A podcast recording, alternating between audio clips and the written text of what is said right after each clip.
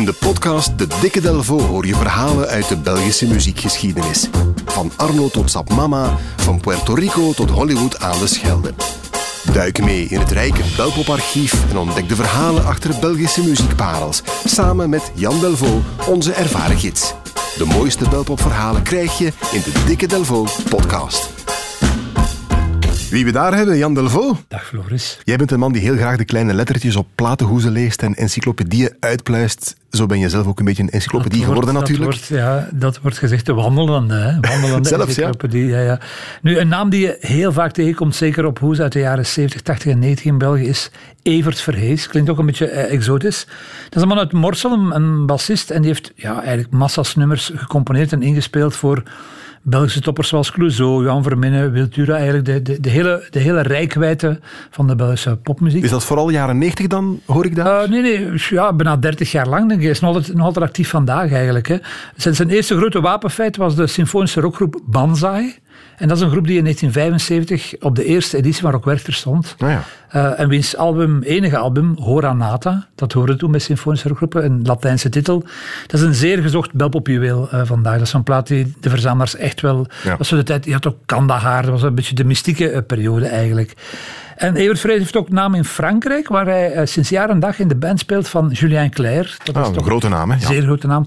Ondertussen ook 75 jaar oud geworden. Ik, bedoel, ik zie die nog altijd als een jonge knaap. uh, en nog een, een fediver misschien. Hij is ook de auteur van de tune van de spotjes van Gamma. Ah, ja. De muziek van uh, Doe Het Zelvers, die Ja, heeft ja. hij ook, uh, ook uh, gemaakt. Nu in 1978, eind jaren 70, dus wordt hij de wederhelft van nog iemand uh, uit de kleine lettertjes, maar toch iets groter misschien. Patricia Maassen, zegt jou dat iets? Nee. Dat is een Nederlandse van origine die met haar zussen Bianca en Stella in 1970 voor Nederland naar het Songfestival mocht. Hearts of Soul heette ze toen. En die drie zussen verhuizen in 1973 naar Antwerpen, omdat ze hier meer uh, werk vinden eigenlijk. En ze krijgen een Belgische begeleidingsband. En de voorman daarvan is Lux Metz, vroeger van de Pebbles, dat is de man die mee uh, Seven Horses in the Sky uh, heeft geschreven. Ja. En hij gaat met die drie zussen disco maken onder een naam die je waarschijnlijk veel gaat zeggen, Dream Express. Ah ja, dat zegt me nog wel iets. Dat is de groep die in 1977 voor ons land naar het Eurovisie Songfestival mocht gaan met dit nummer.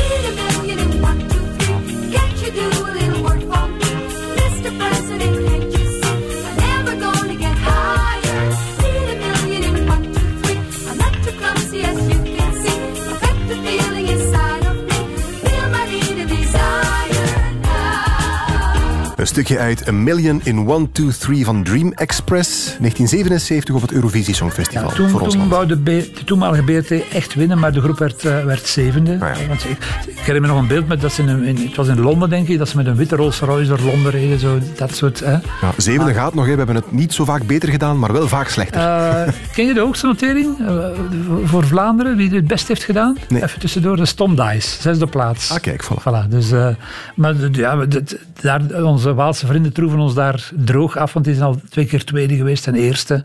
Maar wij doen het niet zo best eigenlijk. Nu, ook Patricia Maassen daarna gaat werken met heel wat uh, grote Belgische namen eigenlijk. Dus die twee waren zo ja, de, de crew zeg maar, van alles wat naam had uh, in de jaren 70, 80 en 90. Nu, een jaar na het Eurovisie Songfestival wordt ze dus de wederhelft van Evert Verhees. En in het begin van de jaren 80, bijna onvermijdelijk, gaan die ook samen nummers maken. Nemen ze thuis zeven nummers op. Een, een songcyclus die gewoon wordt ingespeeld op de huiselijke buffetpiano en die ze gewoon met een cassetterecordje eigenlijk, uh, eigenlijk opnemen. Ja, het betere demowerk. Ja, puur als proeven. Een beetje. En op een dag praten ze over dat projectje uh, na een opnamesessie in de, in de Morgan Studio in Brussel. Praten ze erover met de man die daar geluidstechnicus is, Mike Butcher. En Mike Butcher is ook weer iemand van de kleine lettertjes, want dat is de man die gitaar speelt op dit nummer. Bam bam, mon chasse place, j'ai sur mon lit à bouffer sa langue en buvant prends mon whisky quant à moi, peu dormi, débris, mais j'ai dû dormir dans la gouttière où j'ai eu un flash. Ça plane pour moi. Plastic Bertrand, ça plante pour moi, met dus Mike Butcher op de gitaar, leef de kleine lettertjes. Voilà, voilà, Mike Slager is dat eigenlijk. Dat is een echte naam naar verluid. Tof.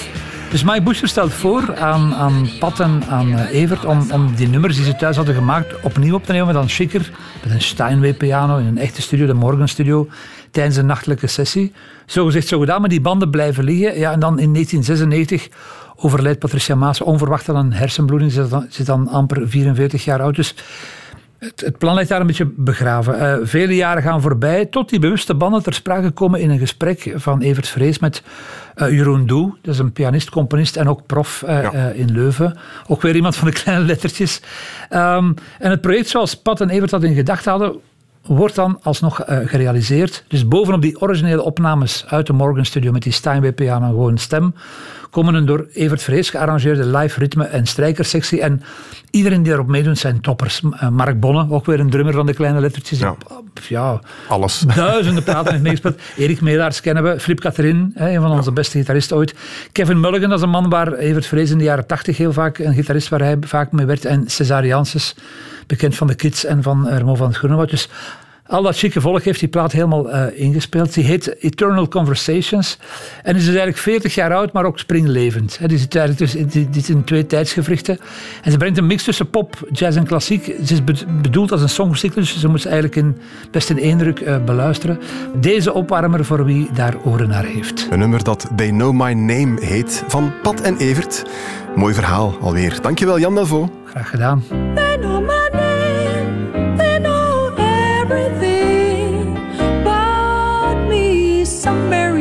Special case. In their eyes,